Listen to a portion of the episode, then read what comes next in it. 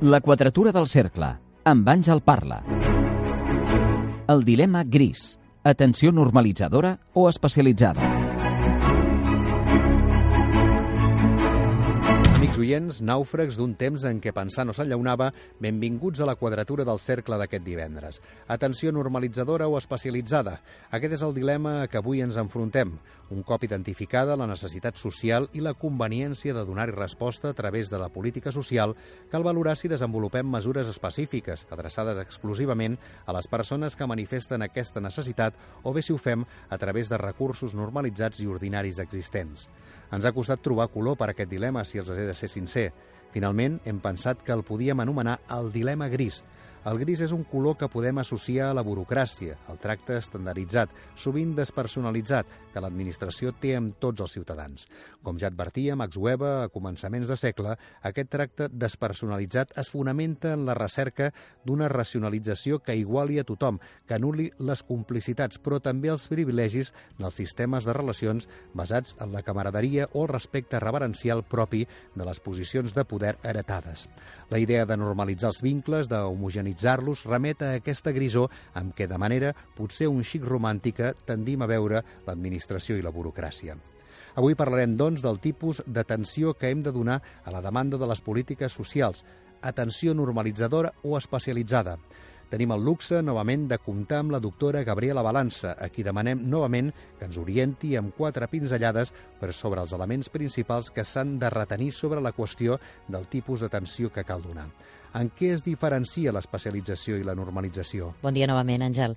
La diferència principal, com ja apuntaves a la teva presentació, és que l'especialització respon a aquesta tendència de proveir serveis específics per atendre necessitats específiques.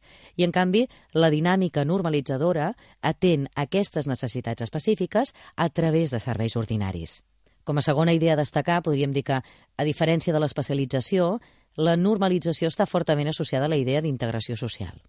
Es considera que l'atenció a través de recursos específics, com proposa l'especialització, contribueix a separar les persones ateses dels mitjans habituals per accedir al benestar. El mercat de treball, les escoles ordinàries, els serveis d'atenció primària, etc. Emprar els mitjans habituals és un primer pas per promoure la integració a la societat. De fet, voldria precisar, si m'ho permet, que la idea de normalitzar associada al color gris i a les dinàmiques burocràtiques de l'administració no és del tot encertat. Una administració clàssica pot preferir classificar, diferenciar i donar tractaments específics a cada col·lectiu i no pas haver de tractar la diversitat dins d'un espai indiferenciat amb el que això comporta de dificultat. Molt pertinent aquesta precisió. El color gris associat a la homogenització conté una càrrega negativa que no reflecteix la voluntat igualadora integradora de la normalització. En efecte, i encara et diré més. Recentment, la normalització també s'ha associat a la inclusió social, que representa anar un pas més enllà. És una idea molt important en l'àmbit assistencial.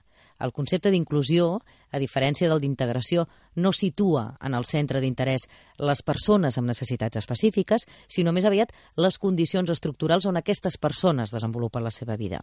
S'entén que les dificultats socials estan provocades per unes condicions estructurals que no ofereixen les mateixes oportunitats de benestar a les persones i no pot ser que, a més, se les etiqueti i rebin un tracte diferenciat. Per tant, les persones amb necessitats específiques han de poder accedir a les polítiques socials ordinàries conjuntament amb la resta de persones. És des de l'atenció pública que s'ha de donar resposta adequada a la diversitat, tot modificant les pròpies dinàmiques de funcionament. D'aquesta manera, és més fàcil evitar que les diferències, cosificades, esdevinguin font d'estigmatització i de desigualtat. Potser fora bo que, amb la intenció de portar més claredat a l'explicació, desenvolupéssim el contrast entre normalització i especialització, focalitzant-nos en un àmbit específic de les polítiques socials. L'àmbit educatiu serviria per exemplificar-ho? I tant. És un cas idoni per diferenciar perspectives i models. En l'àmbit de l'educació educativa dels infants amb discapacitat, per exemple, es distingeixen tres tipus de perspectives. La perspectiva basada en l'educació especial tradicional parteix de l'anomenat model de dèficit. Segons aquest model, les necessitats educatives especials estan relacionades amb dèficits o limitacions propis dels alumnes que les tenen i no pas del context educatiu.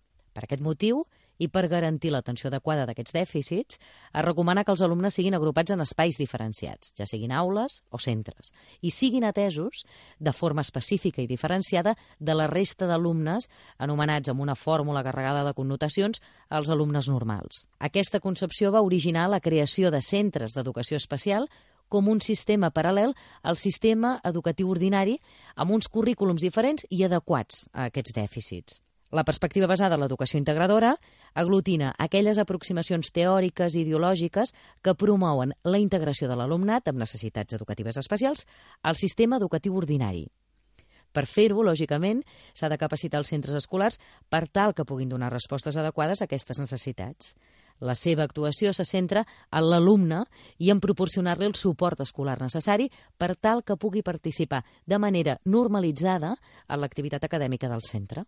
La perspectiva integradora admet l'escolarització dels infants en unitats o escoles especials com a excepció i només quan l'educació en l'àmbit ordinari no pot satisfer les necessitats educatives especials dels alumnes. Finalment, la perspectiva basada en l'educació inclusiva no es limita únicament a incorporar els alumnes amb necessitats educatives especials a les escoles ordinàries, ni tampoc a atendre només les seves necessitats educatives especials. La inclusió suposa educar la diversitat d'alumnes en un mateix entorn d'aprenentatge i aconseguir que, siguin quines siguin les seves característiques, puguin desenvolupar-se de manera òptima. De fet, es proposa modificar l'escola ordinària per construir entorns d'aprenentatge comuns i adequats per la diversitat d'alumnes.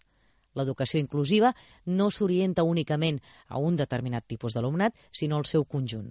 No se centra en les característiques dels infants, sinó en optimitzar les característiques de l'entorn d'aprenentatge.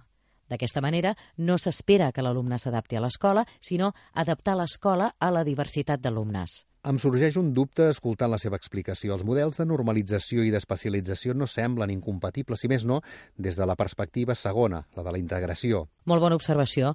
El cert és que, a la pràctica, els diferents models coexisteixen en la majoria dels sistemes educatius dels països amb sistemes de benestar desenvolupats. No són, per tant, incompatibles si bé hi ha sensibilitats més properes a un model o un altre. Hi ha defensors de plantejaments integradors i fins i tot inclusius que continuen considerant imprescindible l'atenció dels alumnes amb determinades necessitats educatives especials en espais diferenciats i especialitzats, encara que sigui de manera parcial i en els mateixos centres escolars. I aquesta tensió entre models de normalització i d'especialització que ens explica de l'àmbit educatiu també passa en altres àmbits i, i com es resol? De fet, la tensió entre la normalització i l'especialització sovint es resol amb la provisió de models mixtos, amb diferents nivells d'intervenció, l'atenció primària, que respon més al principi de normalització, i l'atenció especialitzada, que respon més al principi d'especialització.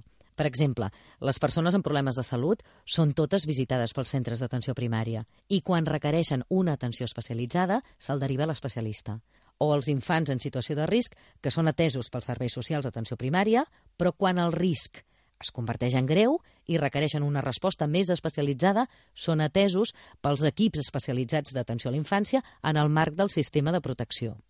Altres vegades, aquesta tensió entre normalització i especialització també es resol a través de la personalització o individualització de la intervenció social. Garantir un tractament personalitzat, especialitzat en entorns ordinaris.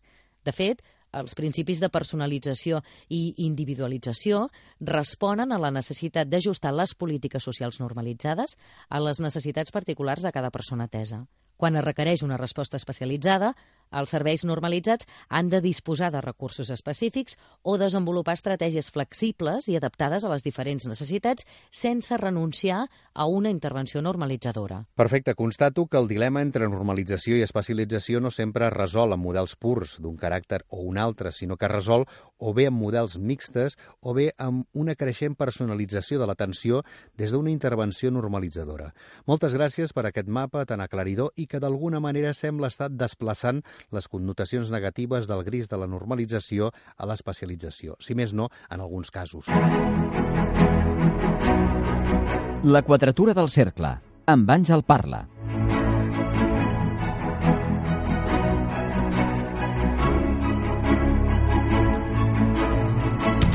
Temo, a la llum dels darrers comentaris de la professora Balança, que aquesta vegada les intervencions del doctor Ezquerro i de la doctora Plata estaran especialment carregades de matisos. En qualsevol cas, els prego que defensin els arguments favorables a la normalització o a l'especialització, tot i que no s'acomodin exactament a allò que vostès defensarien en termes absoluts. Doctora Plata, quines serien les fortaleses de l'especialització? Bé, el cert és que aquesta vegada la controvèrsia gira poc al voltant de consideracions estrictament econòmiques. Com a argument econòmic a favor de l'especialització, que jo més aviat defenso, diria que les polítiques socials especialitzades poden ser financerament més econòmiques per un efecte d'economia d'escala. La concentració de persones que requereixen una atenció especialitzada en un mateix servei en simplifica la gestió. A més, pot facilitar que aquestes necessitats s'atenguin per una dotació de professionals especialistes més baixa que si aquestes persones estan distribuïdes per diferents serveis ordinaris. Però hi ha arguments que no siguin de naturalesa econòmica a favor de l'especialització? I tant, i de fet la meva col·lega Gabriela n'ha esmentat ja alguns. L'especialització garanteix una resposta específica a les necessitats socials existents. El fet que la intervenció giri al voltant d'aquesta especificitat pot contribuir a generar més coneixement i a garantir al llarg del temps que aquesta resposta pugui ser cada cop més precisa. S'ha de tenir present que no tots els professionals estan capacitats per atendre en contextos ordinaris necessitats socials específiques. L'atenció de la diversitat és complexa i especialment si no es disposa de la formació adequada i sense una atenció adequada de la diversitat, la situació de les persones amb necessitats socials específiques es pot agreujar. D'acord. D'una banda, la necessitat de respostes específiques i la complexitat que genera aquesta en entorns ordinaris. Exactament. Alhora, d'altra banda, com ja ha comentat la doctora Balança, l'especialització pot ser considerada com a inevitable, especialment en les situacions de necessitat social més extrema, greu o específica. L'especialització no és negativa per se, com tampoc ho és la normalització, sinó que depèn dels resultats que s'obtenen amb la intervenció. Com a mínim, per a aquestes necessitats socials més específiques, l'especialització és l'única resposta possible. I, finalment, també destacaria que l'especialització no sempre és volguda. A vegades és una conseqüència de com les persones ajusten els seus comportaments a l'ús dels serveis socials. Existeixen serveis normalitzats que acaben convertint-se en especialitzats a causa de les característiques de la demanda que tenen. L'elevada concentració de persones amb determinades necessitats en un servei concebut com a ordinari acaba dissuadint a persones en situacions ordinàries d'anar-hi. Com a conseqüència, aquest servei, posem per cas una escola, s'acaba especialitzant a atendre usuaris amb un perfil i unes necessitats específiques. És el que acaba passant en el que a nivell popular entenem com les escoles gueto. No tenir-ho present acaba fent que aquestes escoles no rebin el tracte que mereixen quan a volum i qualitat de recursos docents. L'especialització, doncs, no sempre és una opció triada. Gràcies, doctora Plata, pels arguments a favor de l'especialització. Doctor Ezquerro, què ens diu a favor de la normalització? Bé, ja veiem que la frontera entre normalització i especialització és difusa. Comprenc, en aquest sentit, que no pot ser que la normalització acabi servint per tancar els ulls davant de realitats com la que apunta la doctora Plata, d'escoles en situacions molt desiguals. Però jo diria que, quan defensem la normalització, el que volem dir és que s'ha d'evitar que passin aquest tipus de fenòmens i no tant resignar-nos-hi i adaptar-nos-hi. L'aposta per la normalització no seria tancar els ulls a l'existència d'escoles gueto, sinó actuar políticament per evitar-ne l'existència. He d'admetre que aquesta vegada la doctora Balança ja ha esbossat els principals arguments en favor de la normalització, començant per trencar l'associació que has establert amb el color gris. Sí, ja ha quedat clar que segurament no era una associació gaire afortunada. Quines serien, doncs, les fortaleses de la normalització? Sí, en la defensa de l'atenció normalitzadora, en primer lloc, potser com a argument de més pes, destacaria que la provisió de polítiques normalitzadores és més efectiva a l'hora de promoure la integració social. L'existència de necessitats socials específiques no impedeix que aquestes persones puguin accedir o utilitzar els serveis promoguts per al conjunt de la població. Perfecte, la relació entre normalització i integració social com a primer punt fort. Què més? D'altra banda, l'especialització pot reduir l'accés als serveis a les persones que tenen una determinada especificitat. Quan aquesta especificitat està relacionada amb un suposat dèficit, l'especialització pot comportar l'estigmatització dels usuaris i, de retruc, també del servei. Això dificulta la integració social dels usuaris atesos, però també limita la capacitat posterior que té aquest servei per normalitzar la seva activitat. Perfecte, també. L'estigmatització dels serveis especialitzats. Alguna cosa més? Sí. Seguint amb aquesta línia de raonament, l'especialització afavoreix la segregació social de les persones en funció de les seves necessitats socials. Els serveis que concentren determinats col·lectius no tenen una composició social que reflecteixi l'heterogeneïtat present en l'entorn, la qual cosa dificulta la integració social dels grups socialment menys afavorits i també la cohesió social. Fins aquí certament està aprofundint en els arguments ja esbossats per la doctora Balança. Miro d'anar una mica més enllà.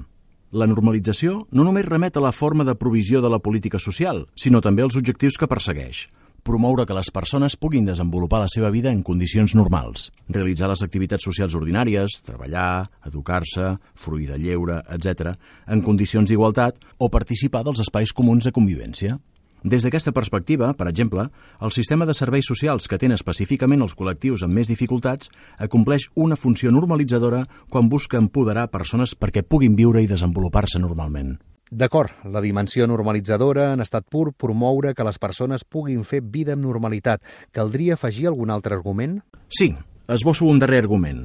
L'especialització construeix contextos que poden ser considerats com artificials per atendre necessitats socials específiques. Aquesta manca de correspondència amb el món real pot dificultar la posterior integració social. La normalització, en canvi, situa la intervenció en contextos ordinaris, que ja existeixen per al conjunt de la població, i intenta adequar les condicions estructurals d'aquests contextos a les necessitats socials de qualsevol persona. Moltes gràcies, doctora Balança, doctora Plata, doctor Zquerro. La setmana vinent enfrontarem un nou dilema, el dilema relacionat amb quin nivell administratiu administratiu o polític assumeix la competència de desenvolupar una determinada política social si convé optar per una política més centralitzada o més descentralitzada.